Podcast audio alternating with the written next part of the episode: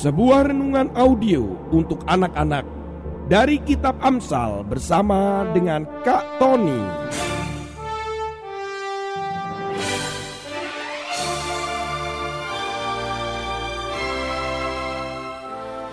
Audio inspiring message for kids. Selamat menikmati dan mendengarkan.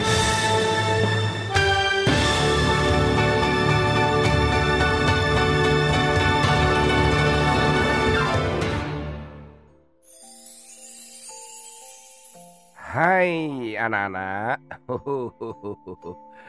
Iya. Kalian pernah melihat film yang digigit eh, laba-laba terus jadi ya jadi manusia super begitu? Kalian pasti tahu filmnya. Apa itu? Ya bener. Filmnya adalah Spider-Man. itu hanya film saja anak-anak. Nggak pernah ada di dalam dunia nyata bahwa orang yang digigit oleh laba-laba langsung kuat dan langsung bisa nempel ke tembok. Nggak pernah ada itu.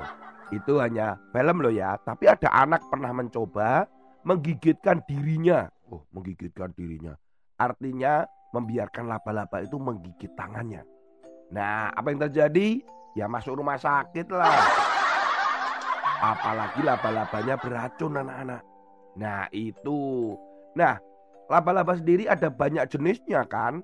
Kak Tony akan cerita tentang tarantula.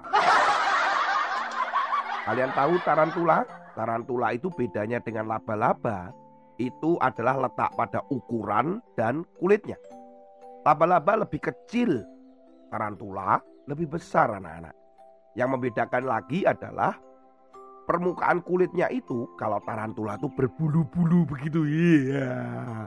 Kayak kayak kayak kucing gitu ya. Ya enggak lah ya ada bulu-bulunya. Tetapi memang tarantula itu berbisa anak-anak. Orang yang digigit tarantula biasanya akan kesulitan bernafas. Kelopak matanya akan membengkak gatal tekanan darah akan menurun meningkatkan detak jantung. Kulitnya akan ruam, bengkak pada kulit yang tergigit, bibir tenggorokan akan bengkak, mengalami kram pada otot, dan pada amat yang serius itu bisa juga pingsan. ya kira-kira sampai 8 jam begitu, wah itu bisa seperti itu anak-anak. Ngomong-ngomong masalah tarantula ini, ada kejadian aneh di Amerika Serikat. Tepatnya di Auburn, di sebuah apartemen anak-anak. Ada seorang yang menyewa apartemen, kemudian setelah pergi, si pemilik apartemen ketika masuk ke apartemennya sangat terkejut. Kenapa? Karena di dalamnya penuh dengan tarantula. Dan ada seekor ular piton. Karena ketakutan, maka si pemilik apartemen akhirnya memanggil Drew Desjardins yaitu penyelamat hewan di Auburn. Kemudian Desjardins menghitung banyaknya hewan-hewan yang ada saat itu. Ternyata ada 15 tarantula dan seekor ular piton. Tetapi di antara 15 ekor tarantula itu, empat tarantula sudah meninggal.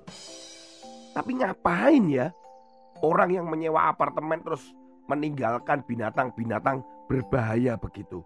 Ya nggak tahu alasannya lah anak-anak.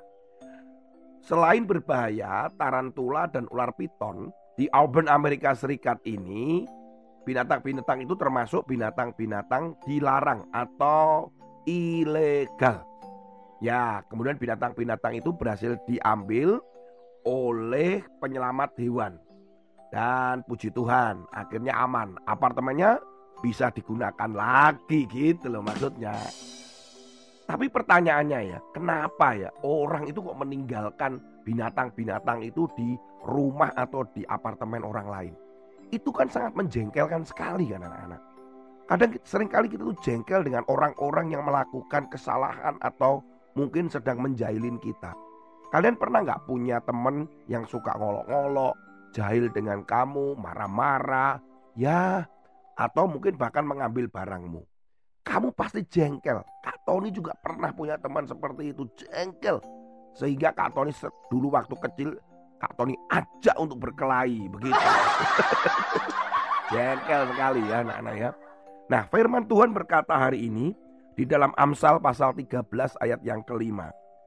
Orang benar benci kepada dusta, tetapi orang fasik memalukan dan memburukkan. Dikatakan di sini firman Tuhan orang benar benci kepada dusta. Jadi bukan benci kepada orang loh anak-anak. Ya kan? Nggak benci sama orang, benci dengan dustanya. Apa mungkin namanya dia dusta gitu? Bukan. Benci pada perbuatan. Bukan pada orang. Seringkali kita itu membenci itu membenci orang anak-anak. Karena orang itu sudah melakukan kejahatan mungkin mencuri, mengolok, marah, berbohong, mengkhianati, mungkin begitu kan? Nah, tetapi sebenarnya firman Tuhan katakan gak boleh benci orang. Karena Yesus mengasihi semua orang. Harus kita juga mengasihi mereka semua. Contoh nih ada teroris yang mungkin mengancam negara. Atau penjahat yang kalian dengar atau kalian lihat di media. Mungkin di dalam hati kita akan berkata, hmm, aku jengkel dengan dia. Nah, itu nggak boleh. Yesus nggak pernah memerintahkan demikian bencilah. Enggak. Bahkan Yesus pernah berkata apa? Kasihilah musuhmu. Waduh, itu lebih berat. Tapi Yesus sudah membuktikannya anak-anak. Dengan mati di atas kayu salib. Ketika dia disalib, Yesus berkata apa? ampunilah mereka, karena mereka tidak tahu apa yang mereka perbuat. Padahal itu adalah tentara-tentara Romawi yang menyiksa, yang memukul, yang menghina Yesus. Tapi Yesus minta pengampunan kepada Bapa. Nah itu luar biasa, itu membuktikan bahwa Yesus mengasihi walaupun orang-orang di sekitarnya itu membenci dia tapi dia tetap mengasihi orang. Perbuatan dosa Yesus benci. Perbuatan. Kita juga harus belajar. Kak Tony juga harus belajar. Membenci bukan membenci orang, tapi membenci perbuatannya. Sehingga kenapa di dalam Amsal tadi katakan orang benar benci kepada dusta. Kalian kan sudah benar dan dibenarkan. Kenapa? Karena ada Yesus yang kebenaran itu ada di dalam hatimu bukan? Oke anak-anak ingat siapa yang hari-hari ini di sekitarmu yang mungkin kamu aduh jengkel gitu. Bukan orangnya tetapi perbuatannya. Kemudian orangnya harus tetap dikasihi dan doakan. Pasti terjadi perubahan. Pasti kalian melihat bagaimana mereka berubah, mereka bertobat karena doa-doa. Tuhan Yesus memberkati. Sampai ketemu pada episode berikutnya.